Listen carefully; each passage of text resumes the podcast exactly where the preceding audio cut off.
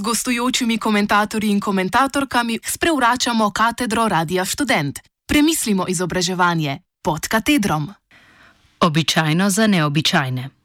Za tokratno edicijo oddaje pod katedrom je komentar podala Nina Preširen, mati otroka z motnjo avtističnega spektra s pridruženo motnjo ADHD. Izhajajoč iz lastne izkušnje je pojasnila širšo problematiko šolanja otrok z avtizmom v Sloveniji. Njen otrok diagnozi na vkljub zaradi zapolnjenih kapacitet ni dobil mesta v šoli s prilagojenim izobraževalnim programom z enakovrednim izobrazbenim standardom, zato še zdaj ne vedo, kje in kako ga bodo šolali.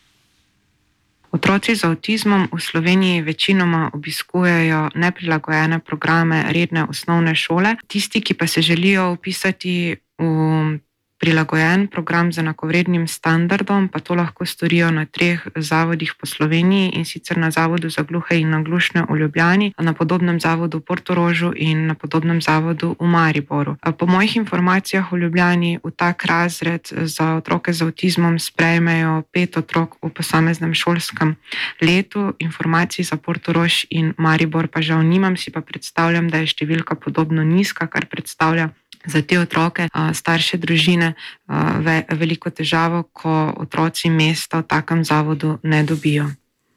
V tak program se otrok z avtizmom ne more upisati neposredno, temveč ga van usmeri strokovna komisija Zavoda za šolstvo. Če opišem našo pot, ki se je začela najprej z odločitvijo, da ob taki diagnozi otroka kot starša vendarle ne vidiva v običajni osnovni šoli, pa se s partnerjem odpravila na Zavod za gluhe in naglušne, kjer nam je svetovalna služba predstavila program z enakovrednim izobrazbenim standardom, kar se mi zdi v primeru otrok, ki imajo povprečne ali nadpovprečne kognitivne sposobnosti um, bistveno.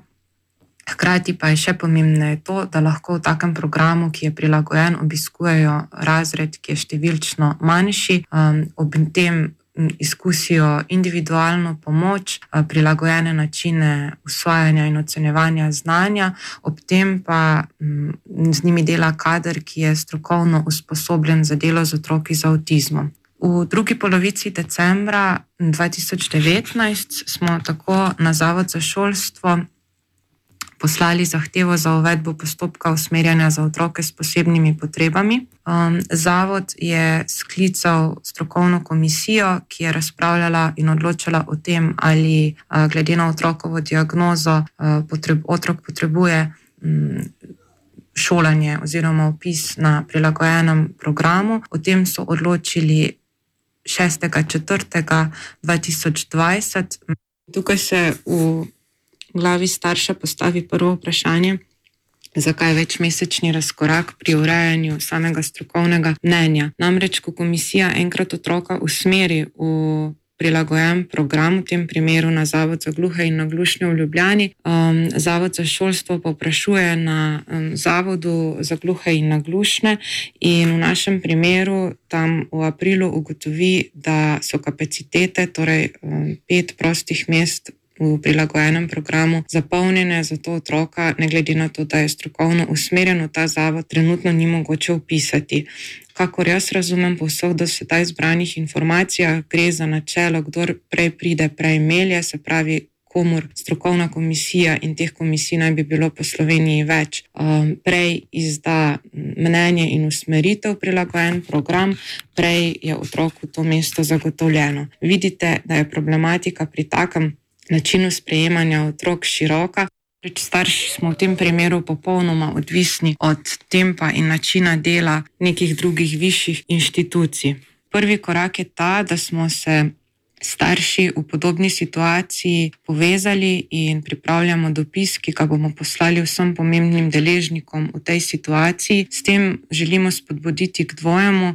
Prvič, da bi otroci, ki so bili letos usmerjeni v konkreten um, zavod in prilagojen program, osnovne šole, ta vpis v prvi razred tudi dobili. Od eh, Zavoda za gluhe in naglušne dobivamo informacije, da je to sicer še odprta situacija, kjer bi lahko oddelek potencialno zaradi velikega popraševanja še razširili, a s tem otroci ne bi prostorsko uh, dobili upisa v prvi razred, konkretno na uh, samem Zavodu za gluhe in naglušne, temveč se išče uh, kakšno šolo, na kateri bi ta program lahko gostoval, pri čemer se nam spet pojavlja vprašanje, uh, ali bodo to šolo lahko pravočasno dovolj motivirali in tudi izbrali. Drugi poziv v našem dopisu, um, ki ga pripravljamo starši otrok z avtizmom, bo širši in dolgoročnejši. Zavedamo se, da ga v tem trenutku še ni mogoče na hitro urediti. Um, spodbujamo državo, ministrstvo, zavode, da se bolj aktivirajo in povežejo in dejansko razrešijo,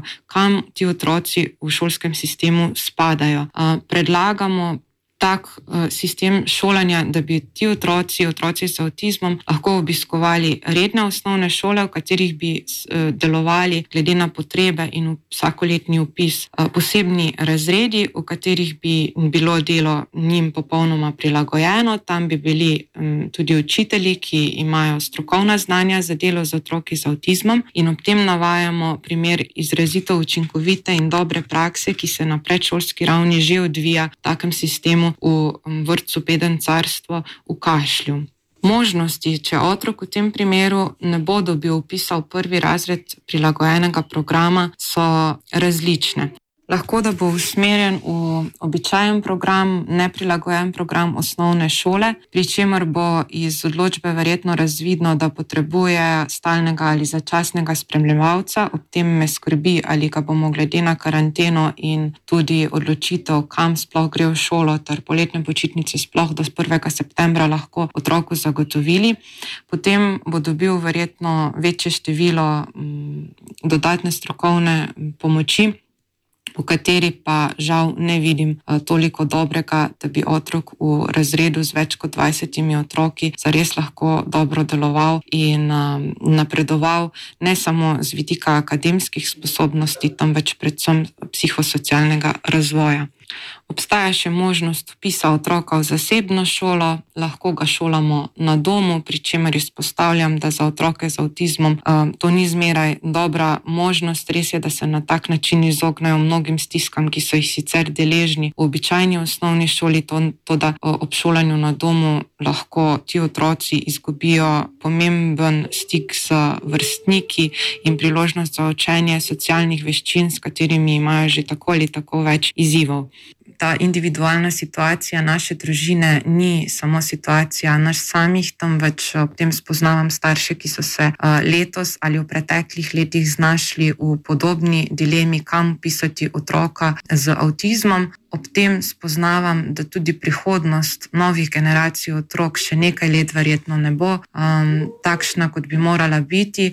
Imam nekaj stikov s tujino, um, pri čemer ugotavljam, da so v nekaterih državah za otroke z avtizmom v šolah bolje poskrbeli, sploh po zgledu njihovega vključevanja v obliki nekega posebnega razreda v večinski šoli in potem postopnega prehajanja v širše razrede. Skrbi me predvsem to, da vseh institucijah, ki sem jih omenila, se pravi tako na Ministrstvu za izobraževanje, tako na Zavodu za gluhe in naglušne, ter tudi na Zavodu za šolstvo, prelagajo odgovornost eh, eden na drugega, govorijo o mm, težavah s financami, eh, kadrom, prostorom. Jaz pa kot eh, starš vendarle vidim možnost, da bi se te stvari lahko uredile, predvsem pa povdarjam, da bi se za otroke z avtizmom in njihovim šolanjem v Sloveniji moralo narediti veliko, veliko več, zato da bi ti otroci a, lažje napredovali, se lažje vključili v družbo.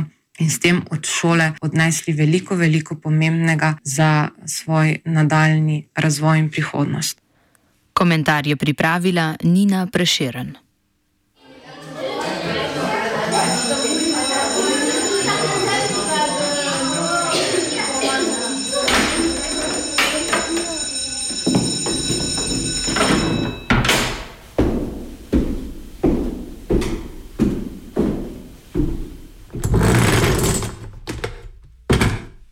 Gostujočimi komentatorji in komentatorkami sprevračamo katedro Radia Student. Premislimo izobraževanje pod katedrom.